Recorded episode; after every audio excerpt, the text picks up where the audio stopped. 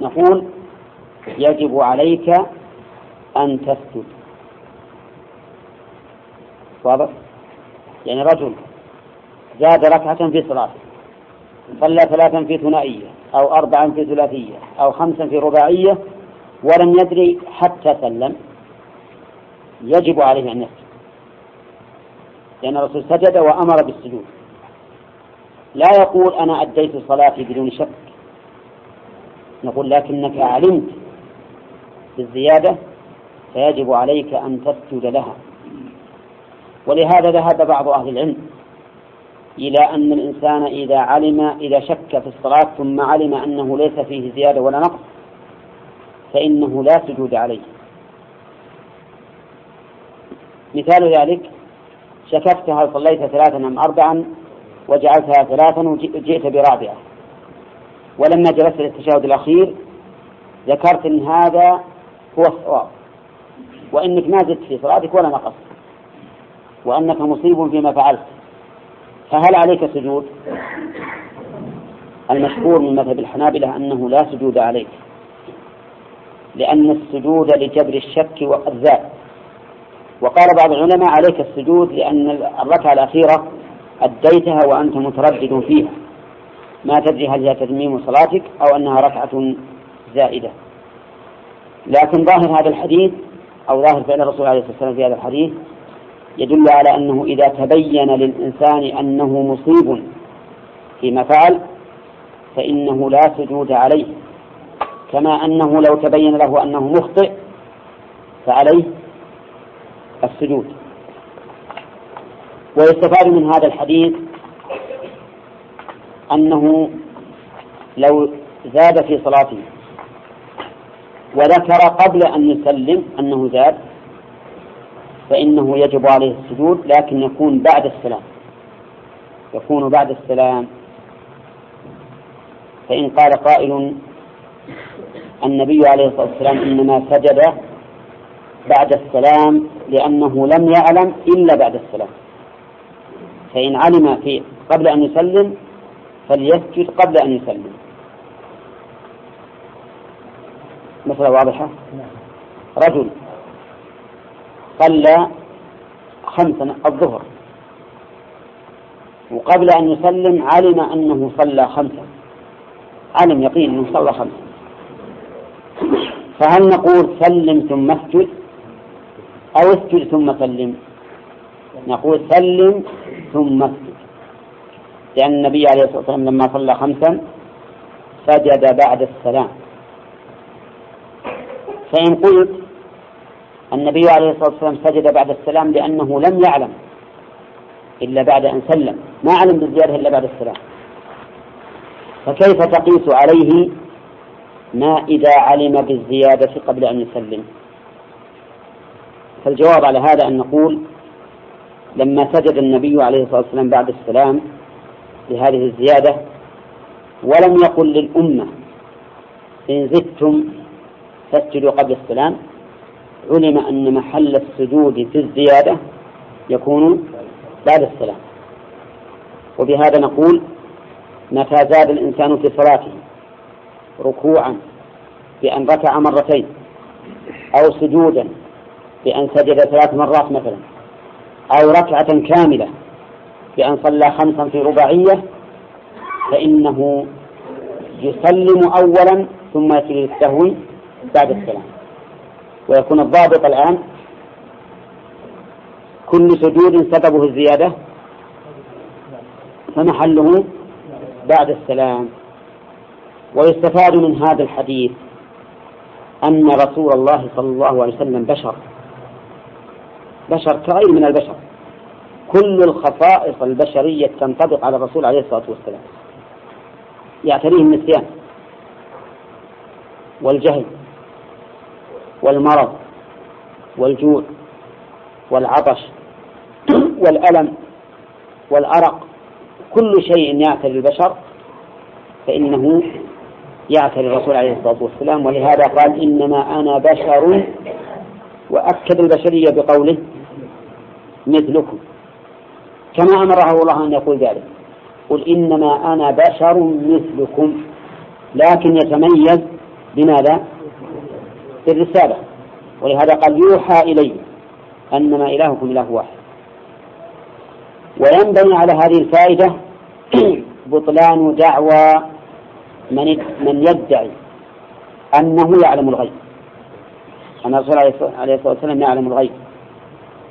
فإن النبي صلى الله عليه وسلم لا يعلم الغيب. وقد قال وقد أمره الله تعالى أن يقول قل لا أقول لكم عندي خزائن الله ولا أعلم الغيب ولا أقول لكم إني ملك إن أتبع إلا ما يوحى إلي. وينبني عليه أيضا أنه عليه الصلاة والسلام لا يملك لأحد نفعا ولا ضرا. وأنه عبد كغيره من العبيد. وقد أمره الله أن يقول ذلك. قل إني لا أملك لكم ضرا ولا رشدا. بل هو عليه الصلاة والسلام لا يملك ولا لنفسه حتى لنفسه ما يملك لنفسه نفعا ولا ضرا. كما أمره الله أن يقول ذلك بقوله قل لا أملك لنفسي نفعا ولا ضرا إلا ما شاء الله. أمره الله تعالى بذلك في أكثر من آية ولهذا لو أراده الله تعالى بسوء هل يملك أن يدفع ذلك؟ ها؟ لا قل إني لن يجيرني من الله أحد ولن أجد من دونه متحدا هذا خاص بالرسول عليه الصلاة والسلام وأما العموم فقال الله تعالى وإذا أراد الله بقوم سوءا فلا مرد له. إذا لا يمكن أن يكون له عليه الصلاة والسلام شيء من خصائص الربوبية بل هو بشر. ويستفاد من ذلك من هذا الحديث جواز النسيان على رسول الله صلى الله عليه وسلم. لقوله أنت كما تنسون إلا أن العلماء يقولون وحق ما يقولون. يقولون إن ما كان من الشريعة لا يمكن أن ينساه الرسول عليه الصلاة والسلام. ولا ولا بد أن يبلغه. إلا شيئا نسخ. فإن فإنه ما فإن ما نسخ ربما ينساه النبي عليه الصلاة والسلام. أما شيء محكم باقي فلا يمكن أن ينساه. لأننا لو جوزنا ذلك لجوزنا أن يكون شيء من الشريعة منسيا. وهذا ممتنع غاية الامتناع. لقوله تعالى إنا نحن نزلنا الذكر وإنا له لحافظون. ويستفاد من هذا الحديث أنه يجب على المأمومين أن ينبهوا الإمام إذا أخطأ. بقوله فإذا فإذا نسيتم فذكرون. والأصل في الأمر الوجوب. والمأموم صلاته مرتبطة بإمامه. فلو لم يذكره صار الخلل في صلاة الإمام وفي صلاته أيضا. ولهذا يجب على المأمومين إذا أخطأ الإمام أن ينبهوه. وهذا فيما إذا كان الخطأ مفسدا للصلاة. فإنه يجب. أما إذا كان الخطأ لا يفسد الصلاة فإنه لا يجب لكن يستحب لو أنه أخطأ في قراءة الفاتحة فقال أهدنا الصراط المستقيم يجب عليه يجب عليه من يردوا؟ ها؟ يجب؟ ليش؟ لأن هذا الخطأ يفسد الصلاة يفسدها لأن أهدنا غير معنى أهدنا أهدنا من الهداية وأهدنا من الهدية يعني أعطنا هدية. ولو قال الحمد لله رب العالمين. ها؟ لم يجد. لكن الأفضل أن نرد عليه لأن هذا اللحن لا يفسد الصلاة نعم. طيب ولو نسي أن يجهر في قراءة جهرية يجب أن ينبهوه ولا يسن؟ يسن. ولو سجد ونسى الركوع وجب عليهم أن ينبهوه. وعلى هذا فيكون قول عليه الصلاة والسلام إذا نسيت فذكروني. يحمل الوجوب على ما إذا كان هذا المنسي مفسدا للصلاة وإلا فإنه يستحب. وهل يجب على من لم يصلي؟ يعني على من على غير المأمومين أن ينبهوه إذا أخطأ. مثل لو فرضنا واحد يقرأ وجنبه إنسان يصلي. وشافه سجد مرة واحدة وقام. هل يجب عليه أن ينبهه؟ أو لا يجب؟ ها؟ إيه. هذا هو الأقرب. وإن كان بعض أهل العلم قال لا يجب إلا على المأمومين. لأن الإنسان غير ملزم بإصلاح عبادة غيره. ولكن في هذا نظر. والذي يظهر أنه يجب على المأمومين على المأمومين وغير المأمومين إذا رأى أحدا أخطأ خطأ يسر العبادة أن ينبهه. لأن هذا داخل في عموم قوله تعالى وتعاونوا على البر والتقوى ولأن هذا يشبه من أراد أن يستعمل ماء نجسا وأنت تعلم نجاسته. فإنه يجب عليك أن تنبهه. لأن هنا لو استعمل الماء النجس تلوث به ولم يرتفع حدثه. ولهذا قال فقهاؤنا رحمهم الله ويجب على من أراد استعمال ويجب ويلزم من علم نجاسة ماء أن ينبه من أراد أن يستعمله ويعلمه بذلك. ويستفاد من هذا الحديث أن الإنسان إذا شك في صلاته وترجح عنده أحد الأمرين فإنه يبني على ما ترجح. ما اليقين يبني على ما ترجح وإن لم يكن اليقين.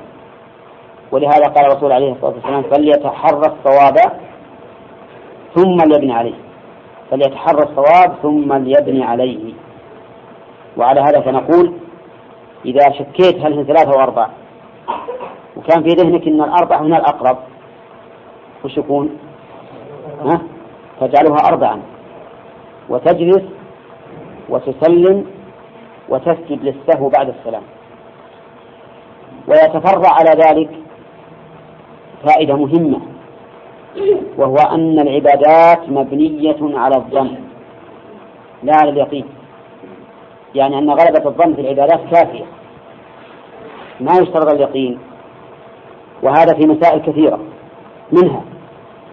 لو أن الإنسان وهو يستنجي غلب على ظنه الإنقاء يكفي ولا نقول لازم تيقن؟ قال العلماء إنه يكفي. إذا غلب على ظنه أنه أنقى كفى. كذلك في, في الطواف. شك هل طاف سبعة أشواط أو ستة أشواط؟ وترجح عنده أنها سبعة. مو يقين لكن مترجح يعمل بالراجح وعلى هذا فقس. فإن قلت كيف نبني على الراجح والأصل عدم ما زاد؟ أو عدم الوجود. الأصل عدم الوجود. قلنا هذا من باب تيسير الشريعة وأن هذا الدين يسر لأنه في بعض الأحيان قد يكون اليقين متعذرا أو متعذرا فلهذا كان من من رحمة الله بالعباد أن جعل غلبة الظن قائما مقام اليقين في باب العبادات. وهذا الذي اختاره شيخ الإسلام ابن تيمية رحمه الله وطرده. أما الفقهاء فهم في بعض الأحيان يأخذون بهذا وفي بعض الأحيان لا يأخذون به. ففي ففي هذا الباب الذي نحن فيه في باب السجود لهم يقولون إنه لا يبنى على غلبة الظن بل يجب البناء على اليقين مطلقا. وفي باب الاستنجاء وإذا في النجاسة قالوا يكفي غلبة الظن. مع أن الأصل بقاء النجاسة ومع ذلك قالوا إنه يكفي غلبة الظن. المهم أننا لا نحب أن نأتي بأشياء تضيع المقصود إذا شك الإنسان في صلاته وترجح عنده شيء إما الزيادة أو أو النقص. ماذا يصنع؟ يعمل بالراجح. لقول النبي عليه الصلاة والسلام فليتحرى الصواب ثم ليبني عليه. ثم يتم صلاته بناء على ما ترجح ثم يسلم ثم يسجد للسهو سجدتين ويسلم. هذا ما دل عليه حديث ابن مسعود. وتبين بهذا أن الشك إن كان فيه غلبة ظن أخذ بغلبة الظن وصار السجود بعد السلام. وإن لم يكن فيه غلبة ظن أخذ باليقين وهو الأقل وصار السجود قبل السلام. والفرق بينهما أنه إذا كان عنده غلبة ظن فإن غلبة الظن أقوى من الوهم. غلبة الظن أقوى من من الوهم. وما دام الشرع اعتبره صار الوهم أمرا زائدا. وإذا كان أمرا زائدا فإن المقرر أو القاعدة أن سجود السهو إذا كان عن زيادة فإنه يكون بعد السلام. والله أعلم. ولأحمد وأبي داود والنسائي من حديث عبد الله بن جعفر مرفوعا من شك في صلاته فليسجد سجدتين بعدما يسلم وصححه ابن خزيمة.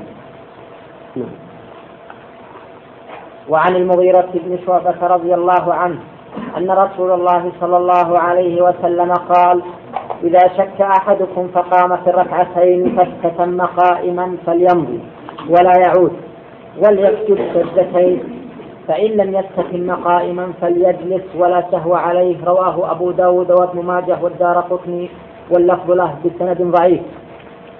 بسم الله الرحمن الرحيم. هذا الحديث الذي ذكر المؤلف حديث المغيرة بن شعبة في من قام عن التشهد الأول. فبين النبي صلى الله عليه وسلم أن هذا له حالان. الحال الأولى أن يستتم قائما فليمضي ولا يرجع. إذا استتم قائما يعني قام عن التشهد الأول اللي في وسط الصلاة حتى استتم قائما فإنه لا يرجع. يستمر في صلاته ويسجد سجدتين قبل أن يسلم. لأن هذا عن نقص. فيكون السجود قبل السلام. وظاهر الحديث أنه لا يرجع سواء قرأ شرع في قراءة الفاتحة أم لم يشرع. وهذا هو الصحيح. وأما من قال إن لم يشرع في القراءة كره الرجوع وإن شرع حرم الرجوع. فلا وجه لقوله. والصواب أنه إذا استتم قائما فإنه لا يرجع لأنه انتهى إلى الركن فلا يعود. والتشهد الأول واجب وليس بركن. ثم الحالة الثانية في هذا الحديث إذا ذكر قبل أن يستتم قائما فإنه يرجع ويتشهد ويكمل الصلاة. لكنه ذكر هنا قال ولا سهو عليه. يعني لا يجب عليه سجود السهو. وذلك لأنه لم يصل إلى القيام. فكأن هذا الانتقال لا يعتبر زيادة لأنه ما زاد ركوعا ولا سجودا ولا قياما وإنما شرع في الانتقال والانتقال ليس ركنا مقصودا لذاته فكأنه لم يزد في صلاته. هذا ما يدل عليه الحديث. والحديث كما قال ابن حجر رحمه الله إسناده ضعيف ولكن الطحاوي في شرح معاني الآثار قال إنه صحيح. فإن كان الحديث ضعيفا فإنه يتوجه ما قاله الفقهاء رحمهم الله حيث قالوا إذا قام عن التشهد الأول ونهض ولم يستتم قائما فإنه يجب أن يرجع ويتشهد ويسجد للسهو. قالوا لأنه أتى بزيادة وهي النهوض من الجلوس والزيادة توجب سجود السهو. كل زيادة إذا تعمدها الإنسان بطل صلاته فإنه يجب لها سجود السهو وعلى هذا فيجب عليه أن يسجد للسهو.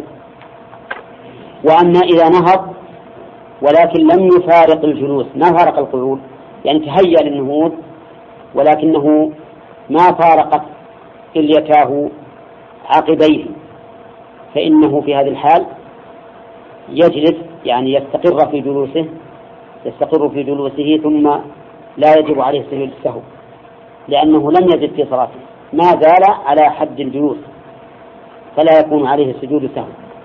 فالفقهاء يقولون من قام عن التشهد الأول فله ثلاث حالات. إما أن إما أن لا ينهض. يعني يعزم وتهيأ ولكن ما ينهض. فهذا يأتي بالتشهد ولا شيء عليه. لأنه ما زاد في صلاته ولا نقص. وإما أن ينهض ولا يستتم. فهذا يجب عليه الرجوع وسجود السهو. وإما أن يستتم فهم أيضا يقولون إن شرع في القراءة حرم الرجوع وإن لم يشرع كره الرجوع ومع ذلك فعليه السجود هنا لأنه ترك التشهد.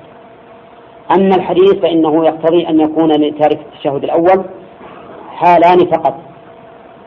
إما أن يذكر بعد أن يستتم قائما فلا يرجع وعليه سجود السهو أو يذكر قبل أن يستتم قائما فيرجع وليس عليه سجود السهو فإن صح الحديث كما قال الصحاوي فهو الحجة ولا قول لأحد بعد قول الرسول صلى الله عليه وسلم.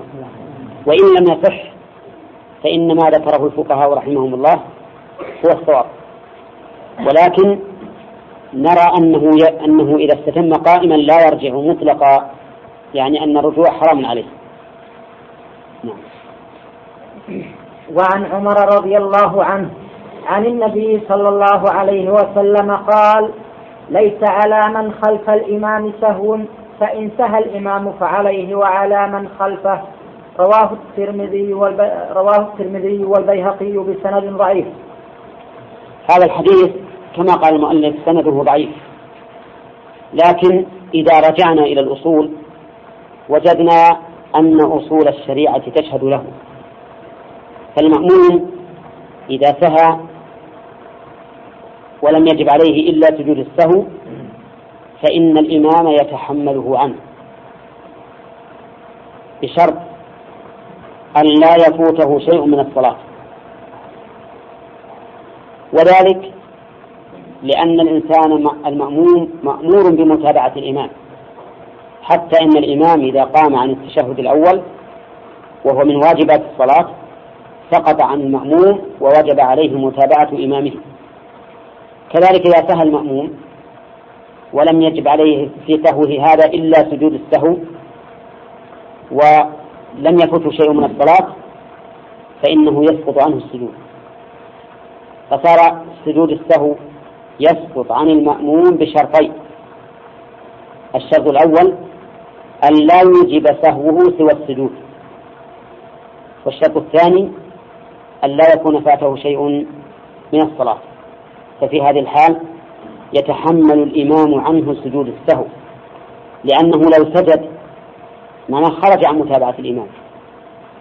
أما إذا كان سهو المأموم يوجب أكثر من سجود السهو كما لو سهى المأموم عن قراءة الفاتحة مثلا. على القول بأنها ركن على الم...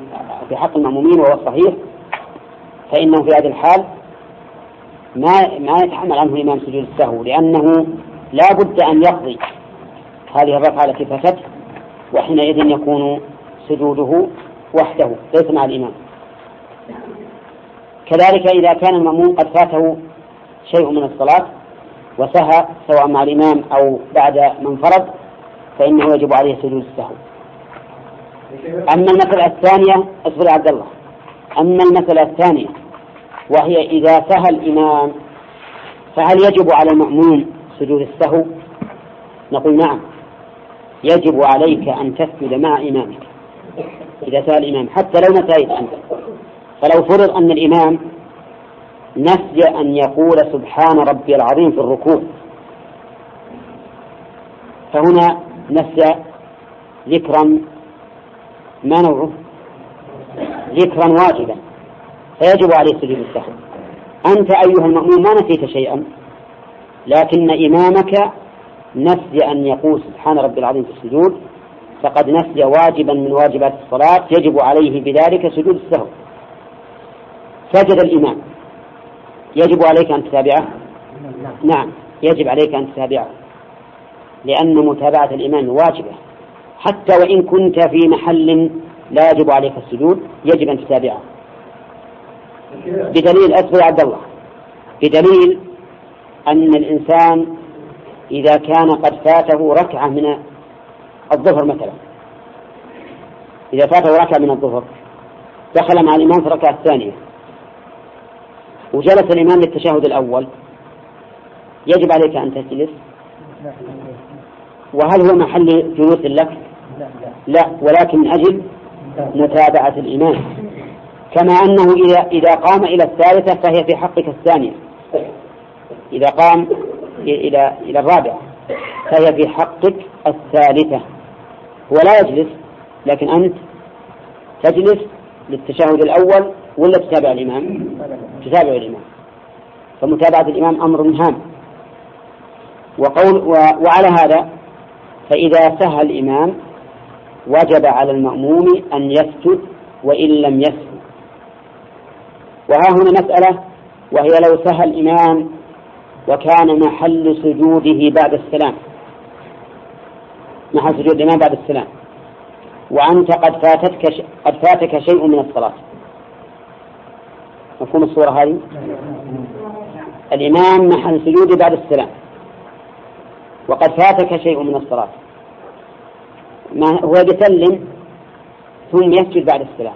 وأنت الآن ستقوم تقضي هل تسلم معه وتسجد معه؟ الجواب لا. ما يمكن تسلم صلاة ما بعد تمت هل تسجد معه؟ هذه المسألة اختلف فيها العلماء.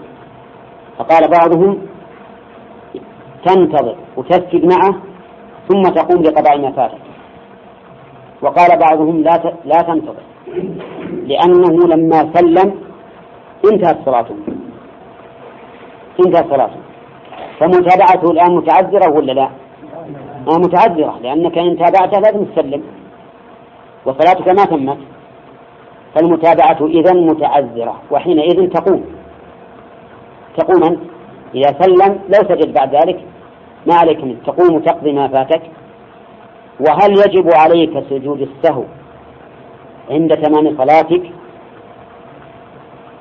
فيها خلاف وأرجح الأقوال عندي أنه إن كنت قد أدركت سهو الإمام فإنك تسجد للسهو لأن سهوه لحقك. وإن كنت لم تدرك فإنك لا تسجد لا يجب عليك السجود لأنك لم تدرك الإمام في سهوه. وإن سجدت فلا حرج لكن الوجوب ما يجب إلا إذا كنت قد أدركت سهوه. وش عندك يا عبد الله؟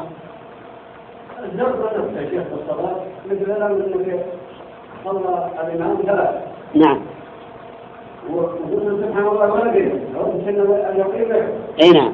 انت سنة ركعة اذا سلم واذكر صالح مسلم الصلاة لكن لو لك سبحان الله ويصلي يصلي أربع ركعات الإمام الذي يصلي أربع أي نعم. وقال الإمام الذي يصلي خمسة فجلس لما يصلي خمسة شوف فهمك الله طيب زين. المسألة الأولى. إذا كان أنك أنت متيقن أنك صليت أربع ويقول ما تيقنت أني صليت أربع. إذا قام إلى الخامسة يا عبد الله إذا قام الخامسة تجلس وتشهد وسلم لا تنتظره وكذلك لو جلس في الثالثة وهو يعتقد أنها الرابعة وأنت تعتقد أنه ما تمت فأنت لا تتابعه أيضا. تقوم وتكمل الرابعة. لأن متابعته حينئذ لا تصح فإنك تعتقد أن صلاته باطلة. وإذا كان الإمام صلاته باطلة لا يمكن أن يتابعه المأموم.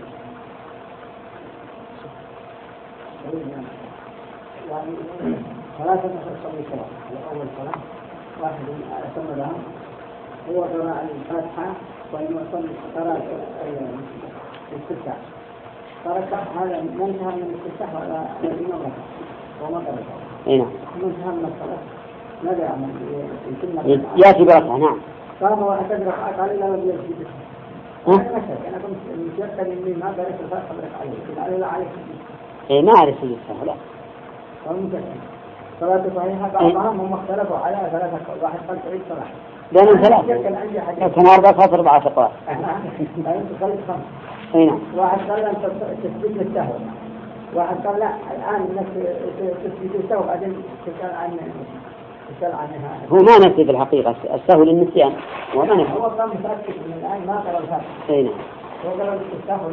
لكن بجهله يعذر بهذه الزيادة. لا هو لأنه المفروض عليه المفروض عليه أنه لما ركع الإمام أنه بقي حتى يقرأ الفاتحة.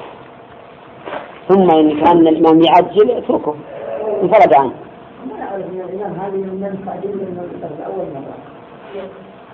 نعم. المهم صلاة إن شاء صحيح حتى لو سجد السهو فهو عن جهل ولا ولا يذكر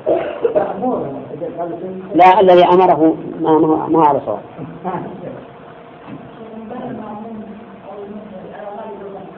كيف؟ نعم. إيه؟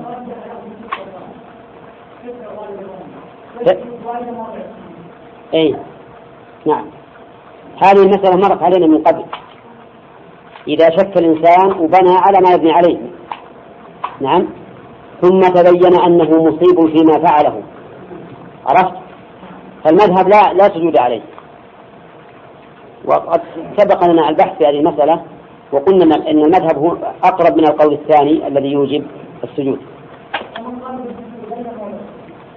على حسب ما ما, ما فصلنا إذا كان الشك فيه ترجيح فبعد السلام وإن كان ما فيه ترجيح فيكون قبل السلام. جزاك الله خير. أنا سنة الفجر صليت ثلاث ولا ذكرت إلا يومي قريت الحمد وبعدين بالسابع. لا لا تبتله. وسلم واستجبت السهو اي يلا يقبض إذا ذكرت يا عبد الرحمن نعم. إذا ذكرت انك ان هذه هي الثالثه تقعد وأنا اقرا وين تقرا؟ اقعد وتشهد وسلم وتجلس وبعد السلام.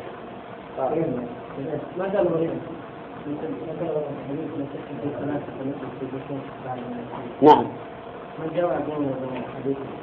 الجمع انه هذا المطلق يحمل على حديث المسعود ان الشك معه فيه بعض العلماء جمعوا ان يكون بالتفسير ما يصح التخيير والسنة وفرقت بينهما. الصواب إنه ما يصح التخيير. ما دام فرقت السنة بينهما. لم يرد حديث النبي أمر لا تنسلين بعد ما يسلم. وهذاك أيضا حديث أبي سعيد قبل أن يسلم. فيه فيه الأمر بالحديثين كله. وعندك الآن. الله عليه وسلم أنه قال لكل سهو سجدتان بعدما يسلم رواه أبو داود وابن ماجه بسند ضعيف. وعن أبي هريرة رضي الله عنه قال سجدنا مع رسول الله صلى الله عليه وسلم في إذا السماء انشقت واقرأ باسم ربك الذي خلق رواه مسلم. بسم الله الرحمن الرحيم. كان المؤلف رحمه الله أنهى الأحاديث التي أتى بها لبيان سجود السهو وقد سبق لنا عدة أنواع مما وقع للرسول عليه الصلاة والسلام. منها أنه قام من الركعتين ولم يجلس يعني لم يتشهد التشهد الأول. هذه واحد ومنها أنه صلى خمسا. ومنها أنه سلم من ركعتين في إحدى صلاتي العشر إما الظهر وإما العصر. وسبق لنا أن فيما وقع من النبي صلى الله عليه وسلم من السهو دليل على أن النبي صلى الله عليه وسلم تلحقه أحكام البشر من النسيان. بل هو نفسه قال عن نفسه إنما أنا بشر مثلكم أنسى كما تنسون وسبق لنا أن الرسول عليه الصلاة والسلام لا يعلم الغيب أيضا. وأن الله أمره أن يعلن ذلك على الملأ في قوله قل لا أقول لكم عندي خزائن الله ولا أعلم الغيب ولا أقول لكم إني ملك إن أتبع إلا ما يوحى إلي. فالرسول عليه الصلاة والسلام ما يعلم الغيب ولا يدري عنه. وبهذا نعرف أن ما يكتبه بعض الناس إذا انتهوا من عمل من الأعمال. كتبوا وقل اعملوا فسيرى الله عملكم ورسوله والمؤمنون. أن هذا خطأ كبير. لأنه وإن كان الله يراه لكن الرسول صلى الله عليه وسلم ما يراه. رسول ميت صلى الله عليه وسلم. ثم إن هذه الآية نزلت في تهديد المنافقين. فكيف تجعل مكتوبة على أعمال خيرية. لكن ظني أن أول من, من وضعها رجل جاهل لا يعرف لا معنى القرآن وأخذها الناس عنه تقليدا. وهذا مما يجعلنا نتأمل غاية التأمل فيما ينشر أو فيما يقال بين الناس من هذه الكلمات وغيرها لأنها ربما تحمل معاني لا تصح. ونحن أخذناها مسلمة. فالحاصل أن الرسول صلى الله عليه وسلم لا يعلم الغيب ولا يرى شيئا بعد وفاته. حتى لو قلنا بأنها تعرض عليها أعمال أمته إن صح ذلك فإنه لا يراه لكنه يعلمه. وفرق بين العلم وبين الرؤية. ثم إن الرسول صلى الله عليه وسلم نفسه لا يعلم إلا ما علمه الله سبحانه وتعالى. ولهذا قال الله تعالى وعلمك ما لم تكن تعلم. وكان فضل الله عليك عظيما وهو من دعائه عليه الصلاة والسلام أن بل, بل إن الله أمره أن يقول وقل رب زدني علما. وقل رب زدني علما. وكان من دعائه اللهم علمني ما ينفعني وانفعني بما علمتني وزدني علما. فالنبي عليه الصلاة والسلام من زعم أنه يعلم الغيب فهو مكذب لله ولرسوله ولإجماع المسلمين. ثم إن المؤلف بعد أن ذكر الكلام على السهو فإن قال قائل مثلا هل نسيان الرسول عليه الصلاة والسلام هل يوجب نقصا وهل كونه لا يعلم إلا ما علمه الله هل يوجب ذلك نقصا؟ فالجواب لا. أبا هو أكمل البشر في علمه بالله عز وجل.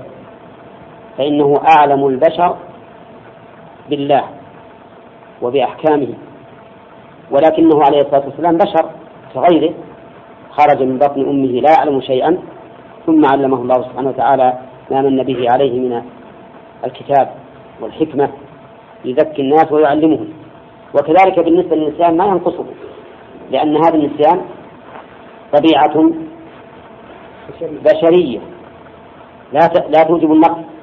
كما أنه إذا جاء أو عطش أو مرض أو أصابه البرد أو الحر نعم لا لا ينقصه.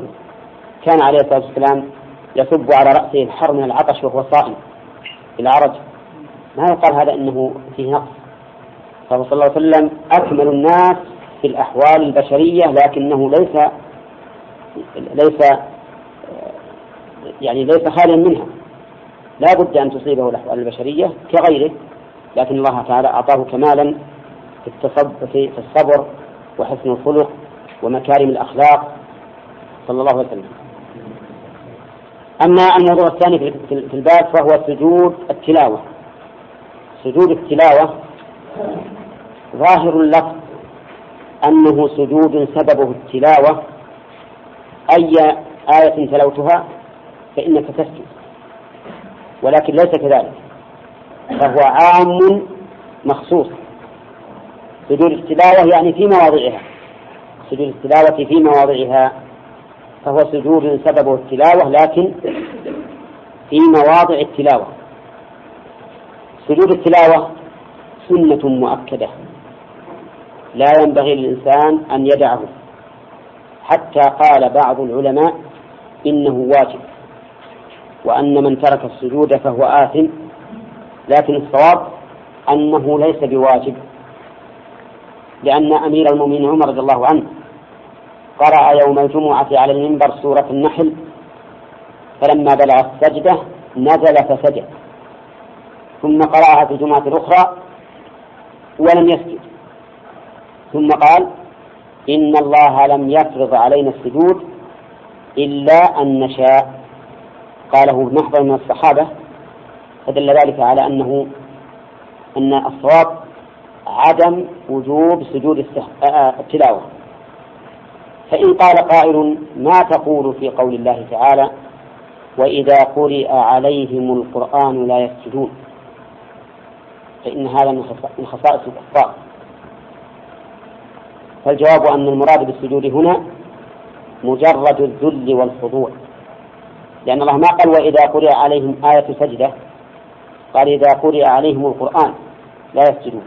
ومعلوم بالنص والإجماع أنه ليس كلما قرئ القرآن يجب السجود.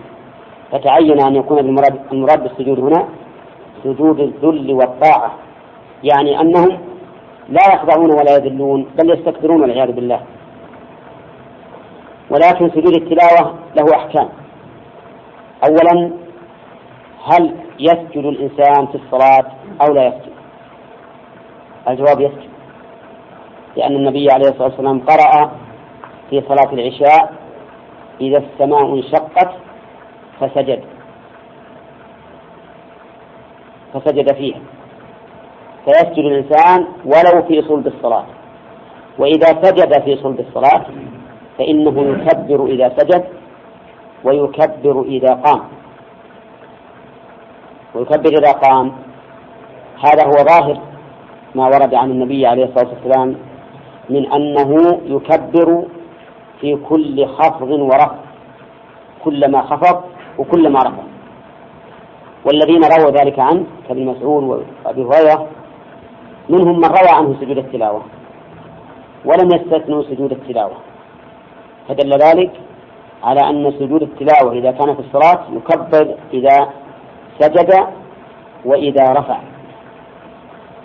وأما ما يفعله بعض الناس من أنه يكبر إذا سجد ولا يكبر إذا رفع فإن هذا وهم منه وليس مبنيا على أصل صحيح. وغاية ما عنده أنه رأى كلام ابن القيم رحمه الله في ذات المعاد وهو أنه يكبر لسجود التلاوة عند السجود ولا يكبر إذا قام. فظن أن كلام ابن القيم عام وليس كذلك وإنما ابن القيم تكلم عن السجدة المجردة فقط. والسجود المجرد يأتينا إن شاء الله قد بعد قليل. حكمه. فالحاصل أنه إذا كانت السجدة في الصلاة فإنه يكبر إذا سجد وإذا قام. ثم هل يقرأ السجدة في صلاة الجهر وفي صلاة السر؟ ذهب بعض أهل العلم إلى أنه يقرأ سجدة آية السجدة في صلاة الجهر وفي صلاة السر. أما في صلاة الجهر فالأمر ثابت عن الرسول عليه الصلاة والسلام وليس فيه تلبيس على المأمومين. لماذا؟ لأن المأمومين يسمعون ويعلمون أنه سجد فيسجدون. وأما في صلاة السر فقال بعض أهل العلم إنه لا يقرأ في صلاة السر آية سجدة لأنه لا يخلو من واحد من أمرين. إما أن يسجد فيشوش على المأمومين ليس سجد وهذا محل ركوع وإما أن لا يسجد فيكون قد ترك سجود التلاوة. وهذا هو المشهور من مذهب مذهبنا مذهب الإمام أحمد. على أنه يكره للإمام أن يقرأ آية سجدة في صلاة السر وأن يسجد فيها. وقال بعض أهل العلم إنه لا كراهة في ذلك واستدلوا بحديث في سنن أبي داود لكن فيه مقال أن الرسول صلى الله عليه وسلم قرأ في صلاة الظهر بألف لام ميم تنزيل السجدة وسجد فيها. ولكن الصحيح أنه لا يكره أن يقرأ آية سجدة في صلاة السر وأنه لا حرج عليه إذا قرأ ولم يسجد لأن السجود على القول الراجح ليس بواجب إنما هو سنة إن سجدت فلك أجر وإن لم تسجد فلا حرج عليك. أما إذا كانت نعم. إذا كانت السجدة مجردة ما هي في أثناء الصلاة؟ فماذا يصنع؟ نقول كبر إذا سجد. على أن الحديث الوارد في ذلك فيه ضعف. ولهذا قال شيخ الإسلام ابن تيمية لا يكبر إذا سجد. يسجد بدون تكبير.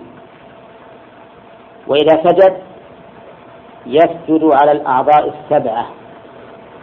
لعموم قول النبي صلى الله عليه وسلم أمرت أن أسجد على سبعة أعضاء وإذا سجد يقول سبحان ربي الأعلى. لعموم قول الرسول عليه الصلاة والسلام اجعلوها في سجودكم. يكررها كما كما يفعل في الصلاة. وإن دعا بما ورد به الحديث اللهم لك سجدت وبك آمنت وعليك توكلت سجد وجه الله الذي خلقه وصوره وشق سمعه وبصره بحوله وقوته. اللهم اكتب لي بها أجرا وضع عني بها وزرا واجعلها لي عندك ذكر ويسلم. الجواب لا. لا يقوم بتكبير. هذا السجود خارج الصلاة. لا يقوم بتكبير ولا يسجد. لأن ذلك لم يرد عن النبي صلى الله عليه وسلم. ثم هل يسجد في كل وقت مر بالسجدة؟ أو لا يسجد في أوقات النهي الصواب أنه يسجد كلما مر بآية السجدة سواء الظهر أو العصر أو الفجر أو المغرب أو آخر الليل أو في أثناء النهار يسجد كلما مر بالسجدة على سبيل الاستحباب كما تقدم. وآيات السجدة السجدات معروفة. أربع عشرة سجدة في القرآن كله منها في الحج اثنتان. وإذا مر بآية السجدة وتجاوزها ونسي أن يسجد فإن ذكر مع قرب الفصل سجد. وإن تجاوزها وطال الفصل فإنه لا يسجد. لأن القاعدة عند أهل العلم أن السنة إذا فات محلها فإنها تسقط. لأنها علقت بسبب فزال والله أعلم. نعم.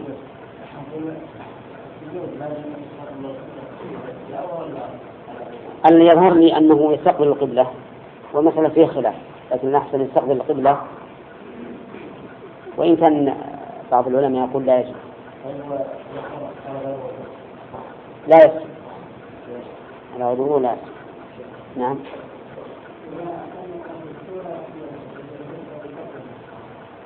نعم. إذا كان يتعلم السورة وفيها سجدة فإنه يقرأ في أول مرة يسجد في أول مرة فقط. ويكفي. في واحد. في واحد.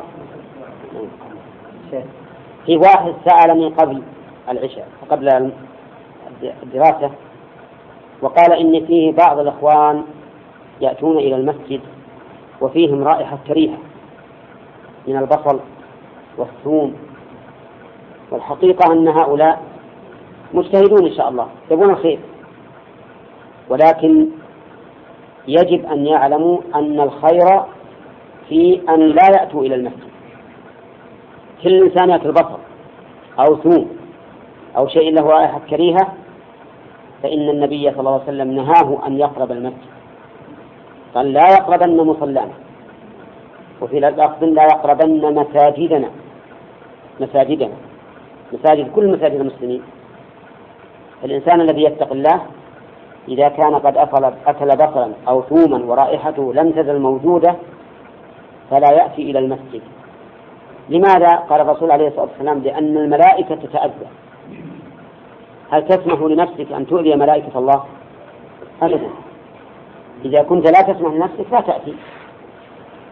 وحتى أن الرسول عليه الصلاة والسلام يخرج من أكل من دخل المسجد وهو أكل بصل أو ثوم يخرجه إلى البقيع. البقيع تعرفونه بعيد من مسجد الرسول عليه الصلاة والسلام. حتى لا لا يشم منه الرائحة ولا من بعد.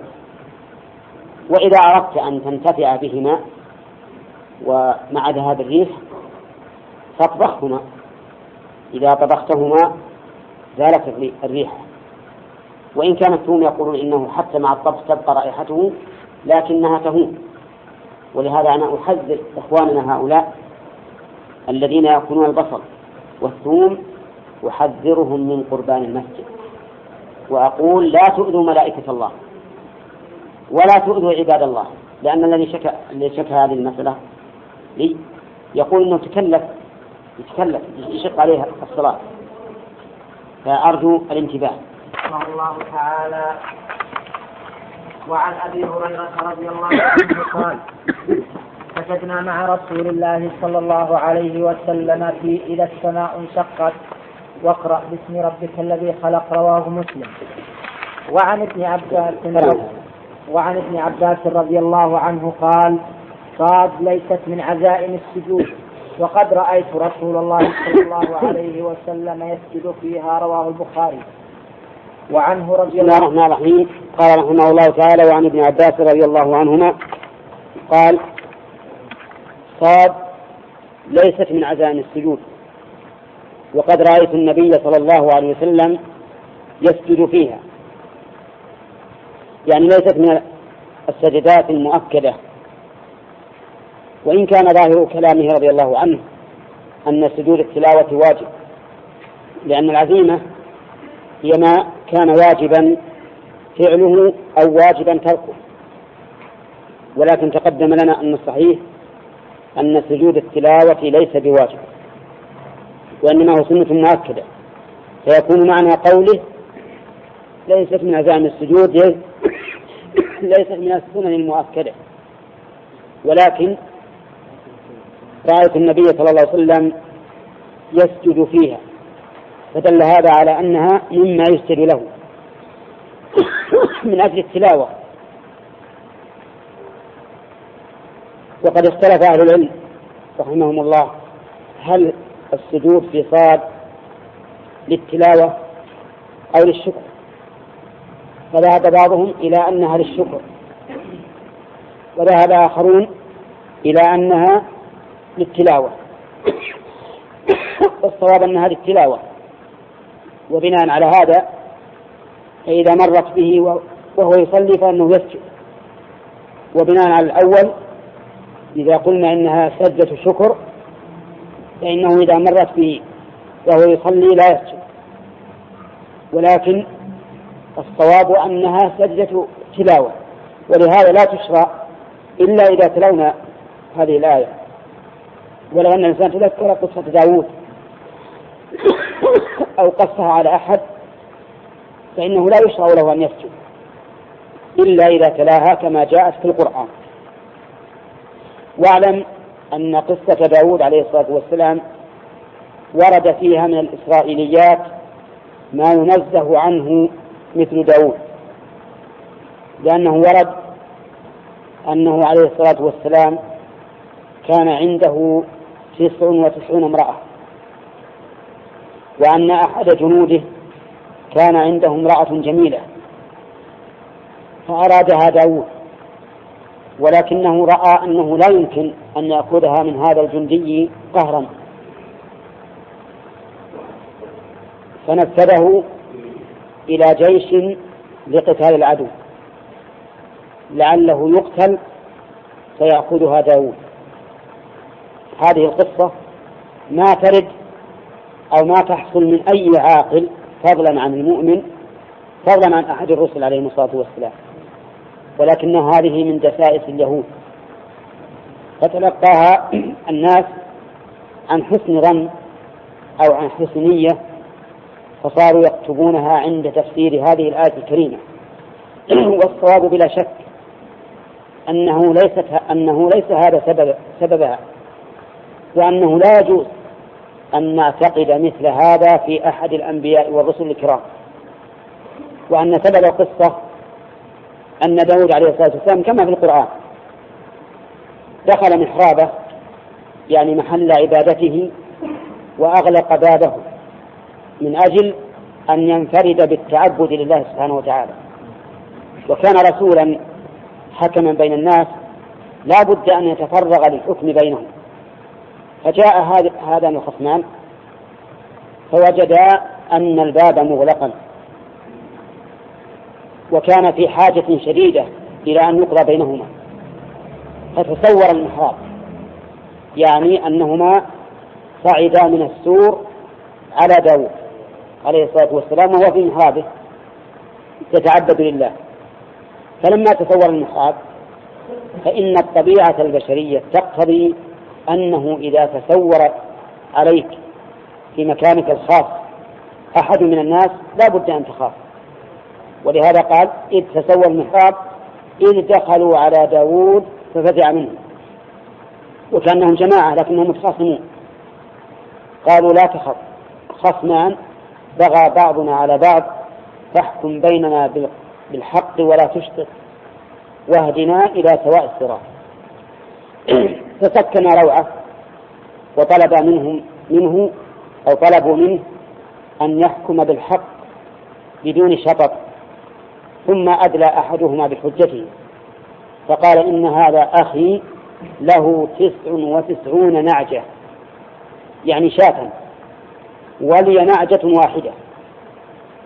فأحرجه وضايقه قال أكفلنيها وعزني في الخطاب يعني غلبا في خطابه لأنه كان فصيحا بليغا فأحرجه. ماذا قال داود؟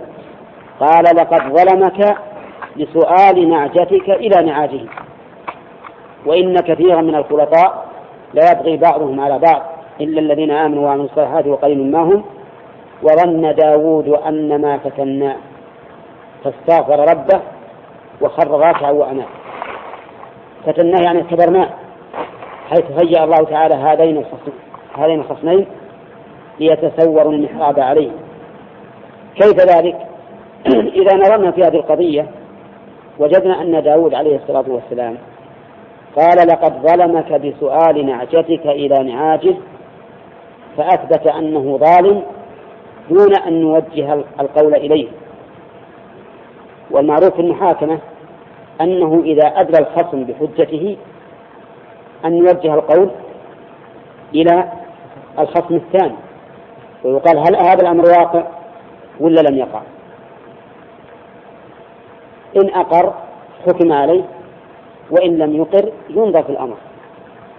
أما أن يحكم على أنه ظالم بمجرد دعوى الخصم فهذا فيه شيء من من الفتنة.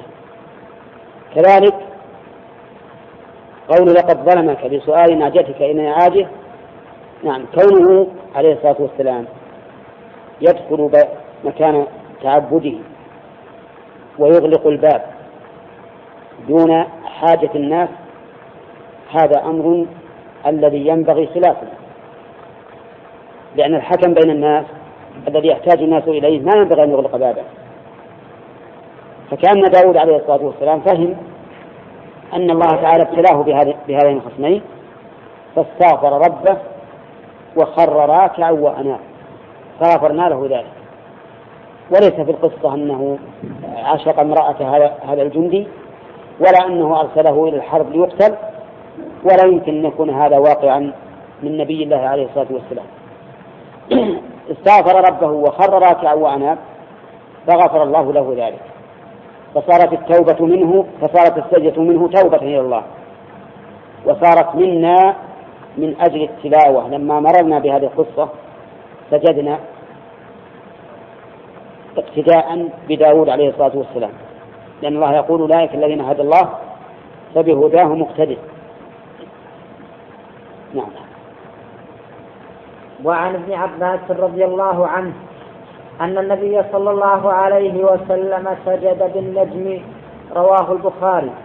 وعن زيد بن ثابت رضي الله عنه قال قرأت على النبي صلى الله عليه وسلم النجم فلم يسجد فيها متفق عليه.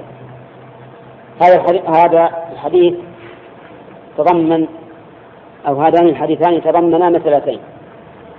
المسألة الأولى أن النبي صلى الله عليه وسلم قرأ بسورة النجم فسجد فيها.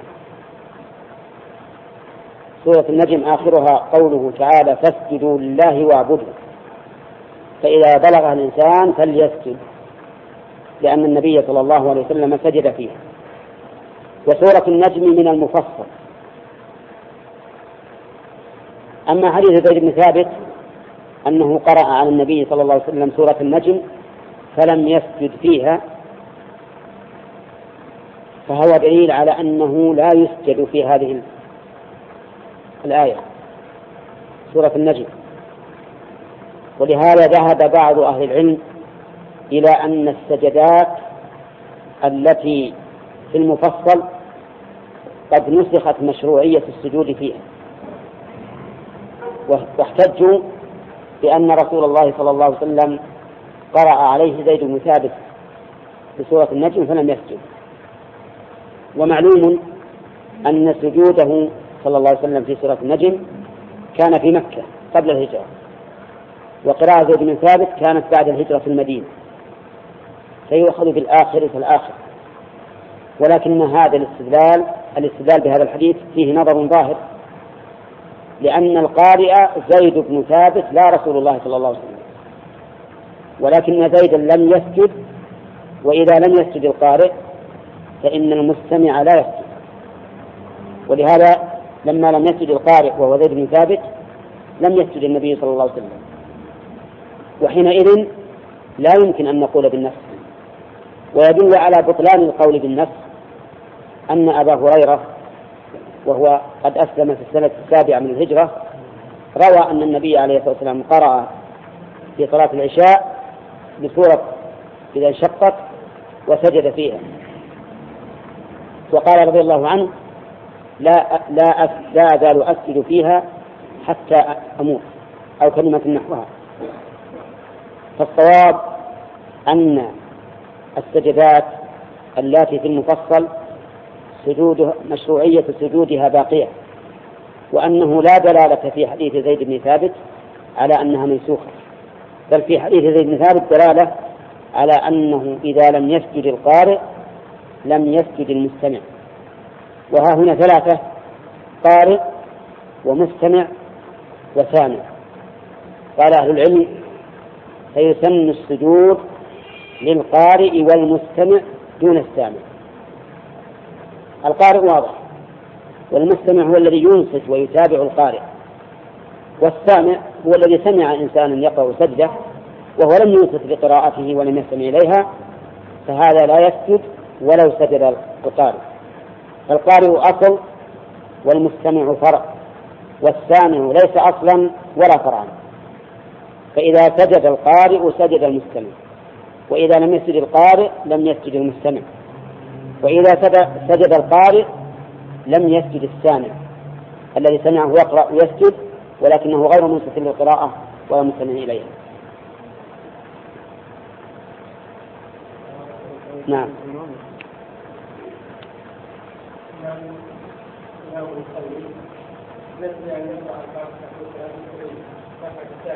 نعم.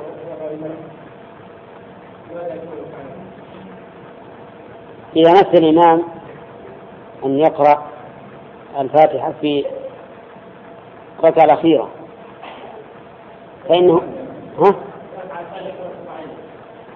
الركعة الأخيرة ولا الثانية؟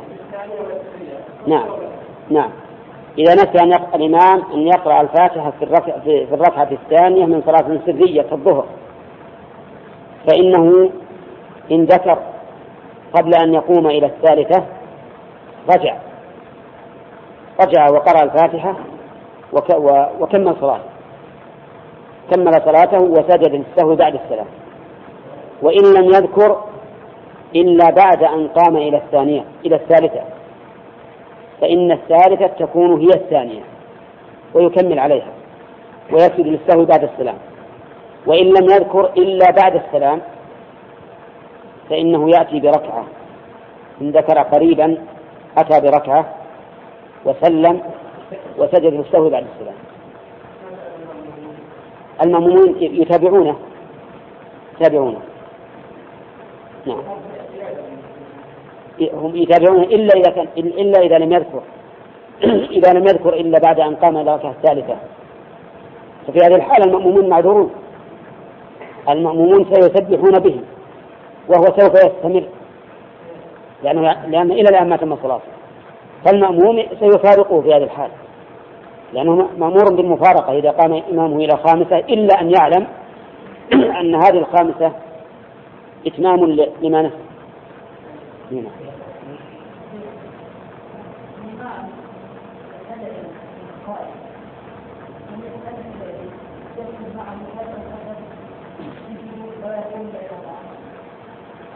المشهور من المذهب أنه إذا سجد القارئ وسجد المستمع فإنه كالإمام مع المأموم. يعني لا يسجد قبل قبل القارئ ولا يقوم قبله ولا يكون عن يساره مع خلو يمينه ولا يكون خلفه وحده. يعني يجعلون هذا حكم حكم الصلاة. وبعض العلماء يقول لا ليس بشرط. إنما يسجد ولو كان على يسارك مع خلو يمينك أو كان خلفك وحده فلا حرج. الذي يظهر من فعل الرسول عليه الصلاة والسلام حين سجد معه المسلمون في مكة في صوت النجم اللي يظهر والله أعلم أن كل سجد على على نفسه. هذا الظاهر. نعم. بالفعل يعني. ولو سجد سجد. يعني يقول عثمان هذا يعني بالفعل والله أعلم. مطلق الفعل. إذا المأموم علم بعد ما يعني بعد ما تركوه. ويعتقدون انه صلى الركعه الثانية. نعم. لكن علموا أنه لم يقرأ في الركعه الثانية. أي نعم، تصح صلاتهم لأنهم معذورون. ان فعلوا ما يجب عليهم فهم في عذر. في جماعة اختلفوا في مسألة قراءة الفاتحة. منهم من يقول أن قراءة الفاتحه الامام المأموم لا يقرأ الفاتحة في في الصلاة الجهرية. نعم. بل يستمع إلى الإمام يقول فاذا قرأ القرآن فاستمع له. نعم. ومنهم من يقول إنه يقرأ الفاتحة ويجتمع في غير الفاتحة دليل لا صلاة لمن لم يقرأ بأم الكتاب واختلفوا على ذلك. نعم. فمن هو الأصح؟ تقدم لنا أن الصحيح أن قراءة الفاتحة واجبة على المأموم في الصلاة السرية والجهرية وأنه لا صلاة لمن لم يقرأ بالقرآن مطلقا. وهذا هو, هو الذي يقتضيه حديث عبادة بن الصامت في السنن بسند جيد جدا. نعم. يقرأ الفاتحة والإمام يقرأ ما في معنى اي نعم. لابد أن يقرأ الفاتحة. وقالوا إنه إذا كان الإمام يقرأ وصل القراءه الإمام بعد ولو واصل لا لا تترك القراءة. حتى لو كان يقرأ. وعن خالد بن معدان رضي الله عنه قال فضلت سورة الحج بسجدتين رواه أبو داود في المراسيل ورواه أحمد والترمذي موصولا من حديث عقبة بن عامر وزاد فمن لم يسجدهما فلا يقرأها. وسنده ضعيف. وعن عمر رضي الله عنه قال يا أيها الناس إنا نمر بالسجود فمن سجد فقد أصاب ومن لم يسجد فلا إثم عليه. رواه البخاري وفيه. إن الله تعالى لم يفرض السجود إلا أن نشاء وهو في الموطأ. بسم الله الرحمن الرحيم. حديث عمر رضي الله عنه تقدم الكلام عليه. وأنه يدل على أنه لا يجب سجود السجود التلاوة. وهذا هو الصحيح. ويدل لذلك أيضا حديث زيد بن ثابت أنه قرأ على النبي صلى الله عليه وسلم سورة النجم فلم يسجد فيها. إذ لو كان هذا واجبا لأمره النبي صلى الله عليه وسلم أن يسجد. ولبين ذلك. ولكن قول عمر إن الله لم يفرض علينا السجود إلا أن نشاء هذا قد يشكل. هل الفروض بمشيئتنا يقال لا. ولكن هذا يسمى عند أهل العلم بالاستثناء المنقطع. يعني لكن إن شئنا سجدنا. ويكون الكلام تم عند قوله إن الله لم يفرض علينا السجود. ويكون إلا أن نشأ بمعنى لكن إن شئنا سجدنا وإن شئنا لم نسجد. وفيه دليل على أن الشيء إذا وكل إلى مشيئة العبد فإنه ليس بواجب. وإذا لم يوكل إلى مشيئته فهو واجب. فيكون ذلك مؤيدا لما سبق من القول بوجوب الوضوء من لحم الإبل. لأن النبي صلى الله عليه وسلم لما سئل أنا أتوضأ من لحوم الإبل? قال نعم. وسئل عن لحوم الغنم قال إن شئت. فلما علق الوضوء بالمشيئة في لحوم الغنم دل ذلك على أن الوضوء منها ليس بواجب وأن الوضوء من لحم الإبل واجب. نعم. وعن ابن عمر رضي الله عنهما قال كان النبي صلى الله عليه وسلم يقرأ علينا القرآن. فإذا مر بالسجدة كبر وسجد وسجدنا معه رواه أبو داود بسند فيه لين. هذا الحديث يدل على مسألتين هامتين. المسألة الأولى أن سجود التلاوة يكبر له عند عند الانحطاط. لقوله كبر وسجد. والثانية أنه إذا سجد القارئ فإن المستمعين يسجدون معه بقوله وسجدنا معه. وهذا الحديث يقول المؤلف إن في سنده لينا واللين معناه أنه ليس بالقوي لأن اللين ضد القوي فيكون في هذا الحديث ضعف. ولهذا بعض أهل العلم يقول إن سجدة التلاوة ليس, لها تكبير. وبعضهم يقول لها تكبيرتان تكبير عند الانحطاط وتكبير عند النهوض وتسليم أيضا. فللعلماء في ذلك في أن سجدة التلاوة يكبر لها ويسلم لهم في ذلك ثلاثة أقوال. القول الأول أنها أنه إذا سجد يكبر للسجود وعند الرفع ويسلم. وهذا هو المشهور من مذهب الإمام أحمد ولكنه ضعيف لأنه لا دليل عليه والعبادات توقيفية ما تثبت إلا بدليل. والقول الثاني أنه لا يكبر للسجود ولا يكبر للرفع من السجود ولا يسلم له لأن ذلك لم يصح عن النبي صلى الله عليه وسلم وأهل, وأهل هذا القول ضعفوا هذا الحديث الذي رواه أبو داود. وقالوا إن الضعيف لا تكون به الحجة. والقول الثالث الوسط أنه يكبر إذا سجد ولا يكبر إذا قام ولا يسلم قالوا لأن هذا التكبير ورد فيه هذا الحديث. وأما التكبير إذا قام والتسليم فلم يرد فيه حديث أصلا. ولكن هذا الخلاف في غير ما إذا كان السجود في صلب الصلاة. أما إذا كان السجود في صلب الصلاة فلا بد من التكبير عند السجود وعند الرفع منه. لأنه إذا كان السجود في الصلاة صار له حكم سجود الصلاة. ولهذا جميع الواصفين لصلاة النبي صلى الله عليه وسلم ومنهم أبو هريرة رضي الله عنه الذين الذي روى عنه أنه سجد في سورة الانشقاق في صلاة العشاء. كل الذين يذكرون التكبير يقولون إنه كان يكبر كلما خفض وكلما رفع ولا يستثنون من ذلك شيئا. فإذا جاءت العبارة عامة كلما خبر وكلما رفع وقد علم أن الرسول عليه الصلاة والسلام كان يسجد سجود التلاوة في صلاة الفريضة فإن هذا العموم يتناول سجود التلاوة.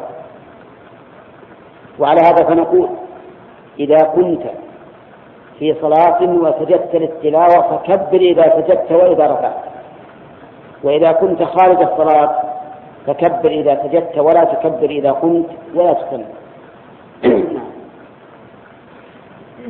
وعن أبي بكر رضي الله عنه أن النبي صلى الله عليه وسلم كان إذا جاءه أمر يسره خر ساجدا لله. رواه الخمسة إلا النسائي. وعن عبد الرحمن بن عوف رضي الله عنه قال سجد النبي صلى الله عليه وسلم فأطال السجود ثم رفع رأسه فقال إن جبريل أتاني فبشرني فسجدت لله شكرا رواه أحمد وصححه الحاكم. وعن البراء بن عازب رضي الله عنه أن النبي صلى الله عليه وسلم بعث عليا إلى اليمن فذكر الحديث. قال فكتب علي بإسلامهم فلما قرأ رسول الله صلى الله عليه وسلم الكتاب خر ساجدا شكرا لله تعالى على ذلك. رواه البيهقي وأصله في البخاري. هذه الأحاديث ثلاثة تدل على مشروعية سجود الشكر. قال أهل العلم وإنما يشرع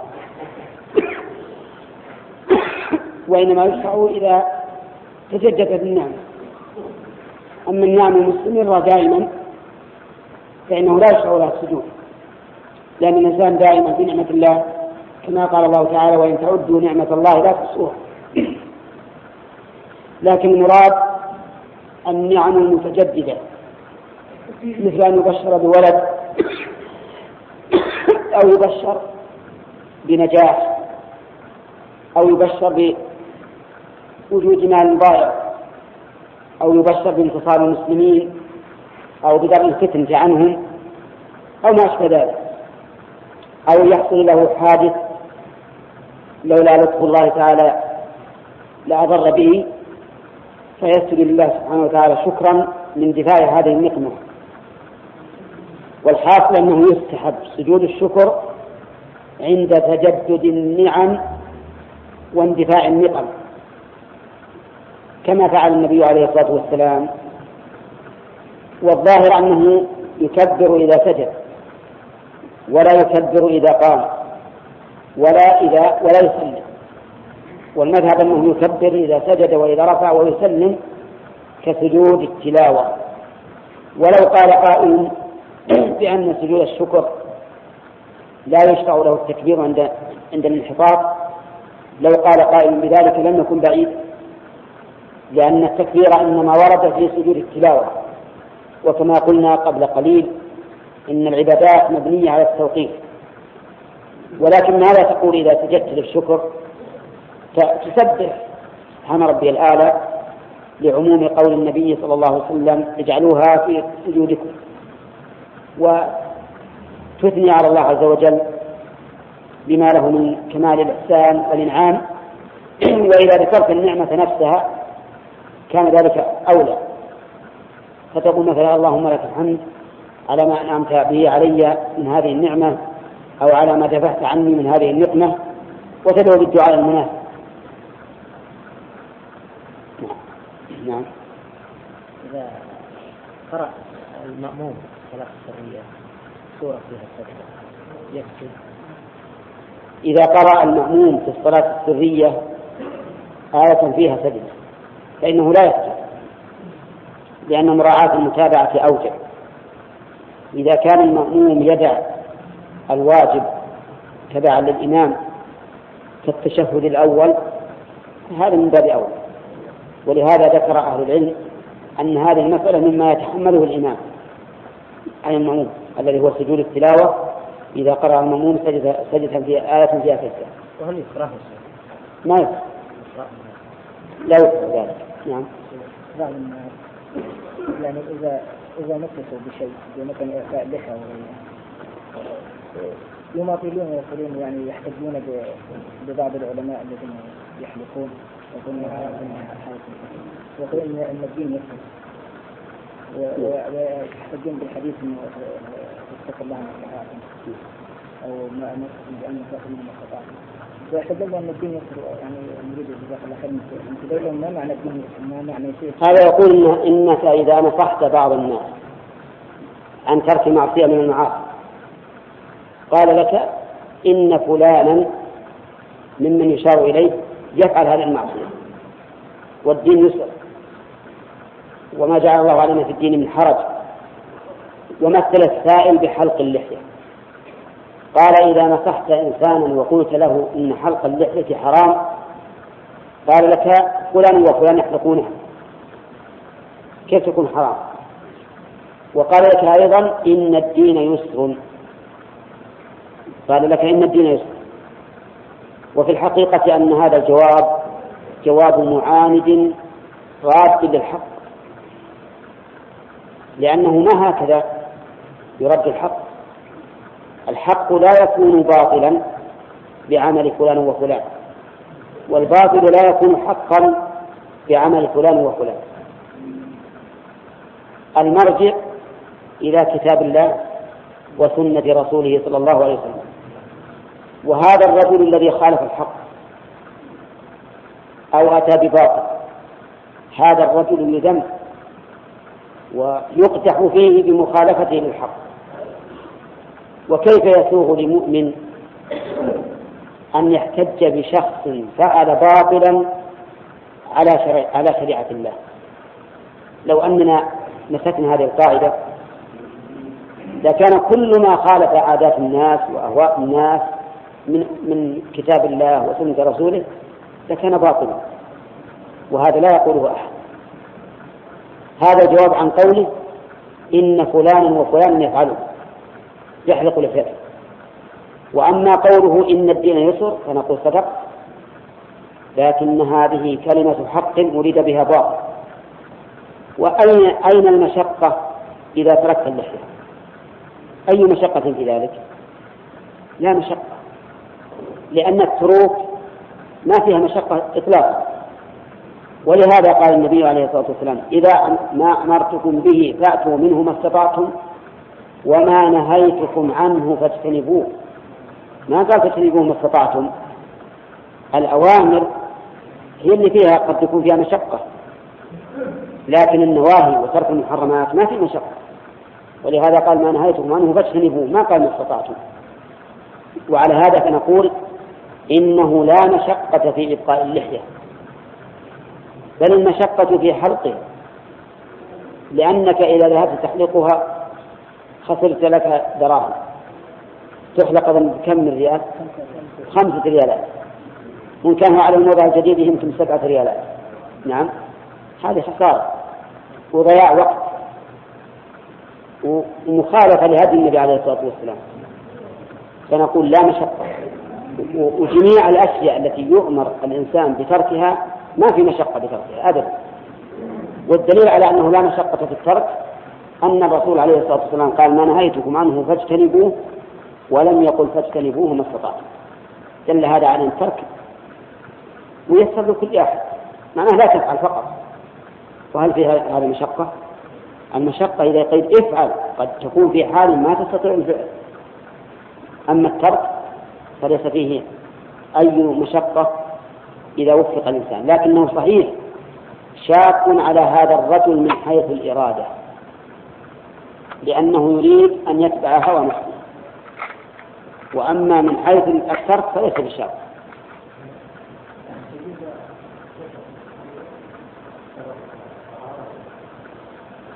الذي يظهر لي أن سجود الشكر لا لا يشترط له الطهارة. لأن سجود الشكر يأتي الإنسان في حال لا يكون متأهبا وطاهرا ولكنه لو تطهر إذا كان يمكنه أن يتطهر في وقت لا يفوت به السبب فالأفضل أن يتطهر. لقول الرسول عليه الصلاة والسلام إني كيف أن أذكر الله إلا على طهر. وأما مسألة أنه يجب فالظاهر أنه لا يجب. نعم يا الرحمن. أنا بسأل عن سجود الشكر على ما قال على. هو أتوضأ وأصلي ركعتين ولا أسجد زي لا يسجد على طول. يسجد على طول.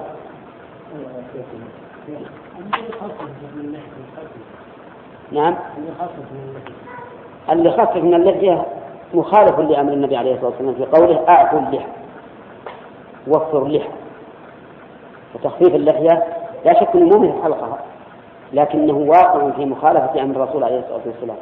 النبي صلى الله عليه وسلم يقول أعفوا أرخوا وفروا أوفوا. خالف في كلمة خالف المشركين. نعم. الآن المشركين يلتحون يقولون إن الرسول يقول خالف المشركين. والآن المشركون يلتحون نقول لهم كذبتم وكذبتم وكذبتم. أوروبا كلها غالبها مشرك. والبلاد الشرقية غالبها مشركون. وهل هم يقول لحاهم؟ أكثرهم. أكثرهم لا يقول لحاهم. يعني لو فرضنا أن فيه ناس مثلا منهم يبقون اللحية فإن أكثرهم لا يبقون. هذه واحدة. الثاني أن إعفاء اللحية ليس المقصود به المخالفة فحسب المقصود به الفطرة. لأن الرسول عليه الصلاة والسلام قال عشر من الفطرة وذكر منها حق الشارب وإعفاء اللحى فهي من من الفطرة أيضا. وثالثا أنها من هدي الرسل عليهم الصلاة والسلام. كما كان نبينا عليه الصلاة والسلام عظيم اللحية وهذا موسى يقول له يقول له أخو هارون ابن أم لا تأخذ بلحيتي ولا برأس ورابعا أن حلق اللحية من تغيير خلق الله وهو من أوامر الشيطان. والأصل في تغيير خلق الله التحريم حتى يوجد دليل على الإذن والإباحة أو على الأمر والاستحباب.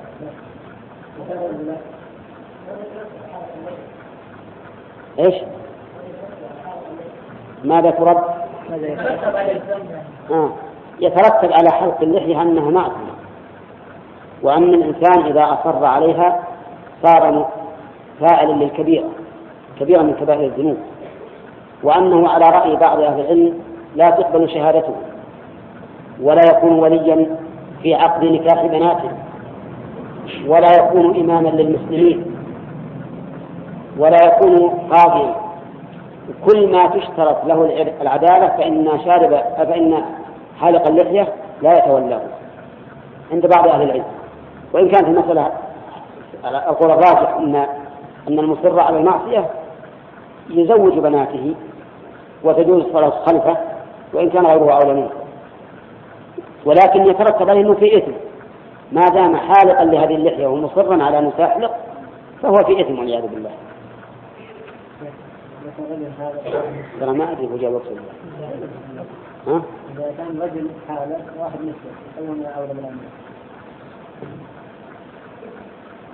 نعم إذا كان واحد حالة إيه. شاف واحد غيره يصلي بالناس بس الاثنين أيهما أقرأ؟ أيهما أولى أيهما أقرأ لكتاب الله؟ كلهم سواء سواء وفي السنة. وفي السنة كلهم. كلهم سواء. أجل حالة اللحية أهون من المسلم. لأن المسلم معصيته تتعلق بشيء يتعلق بالصلاة وهو ستر العورة. فيكون حالق اللحية هو الذي يكون الإمام. أما لو كان حالق لحية وشارب دخان فإن شارب الدخان أولى من حالق اللحية. يعني شارب الدخان يتقدم ولا يتقدم صاحب حالق اللحية والكل شر.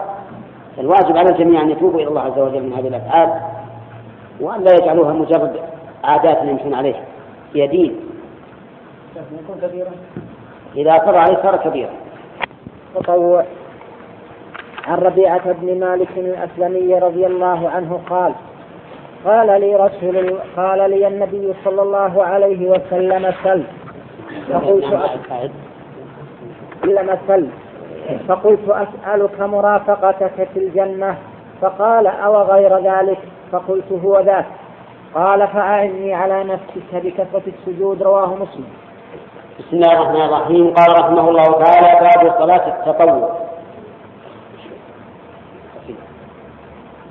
صلاة التطوع هذه من باب إضافة الشيء إلى نوعه يعني الصلاة تنقسم إلى فريضة وإلى تطوع وهكذا الزكاة تنقسم إلى فريضة وتطوع وهكذا الصيام والحج. وهذا من رحمة الله تعالى وحكمته أن جعل لهذه الفرائض تطوعات. لأن الإنسان قد يخل بالفرائض فتكون هذه التطوعات تكميلا لها. كما جاء في الحديث أن الفرائض تكمل بالنوافل يوم القيامة. صلاة التطوع أقسام متعددة. منها التطوع المطلق الذي يسن الإنسان كل وقت ما عدا أوقات النهي. ومنها التطوع المقيد بوقت. ومنها التطوع المقيد بفرض. ومنها التطوع المقيد بسبب فهذه أربعة أقسام. مقيد بوقت كالوتر ومقيد بالفرض كالرواتب ومقيد بسبب كتحية المسجد ومقيد ومطلق وهو ما عدا المقيد. قال المؤلف عن ربيعة بن مالك الأسلمي رضي الله عنه أن النبي صلى الله عليه وسلم قال له سل يعني اسأل. وكان قد قضى حاجة للرسول صلى الله عليه وسلم. فطلب منه النبي عليه الصلاة والسلام أن يسأل شيئا لأجل أن يكافئه. لكن كانت همة هذا الرجل عالية جدا. قال أسألك مرافقتك في الجنة. هذه سؤال يزن الدنيا كلها. لو جاءت الدنيا كلها كلها ما ما صارت شيئا بالنسبة إلى هذا المسؤول أسألك مرافقتك في الجنة. الرسول عليه الصلاة والسلام ما أجابه بنعم ولا أجابه بلا ولكنه رجاه وقال أعني على نفسك بكثرة السجود. أي بكثرة الصلاة لكنه خص السجود لأن السجود من أركانها وقد يعبر عن الشيء بما هو من أركانه. كما في قوله تعالى واركعوا مع الراكعين يعني صلوا مع المصلين. وكما قال تعالى يا أيها الذين آمنوا اركعوا واسجدوا يعني صلوا صلاة ذات ركوع وسجود. فمعنى بكثرة السجود أي بكثرة الصلاة. فيستفاد من هذا الحديث عدة فوائد. أولا كرم النبي عليه الصلاة والسلام وحسن خلقه وأنه لا يدع لأحد معروفا إلا كفأه عليه. وهذا هو المشروع أن الإنسان يكافئ على المعروف لأن النبي صلى الله عليه وسلم قال من صنع إليكم معروفا فكافئوه. وفي المكافأة على صنع المعروف تشجيع لأهل المعروف على فعله. لأن الإنسان إذا كوفئ على معروف تشجع بخلاف ما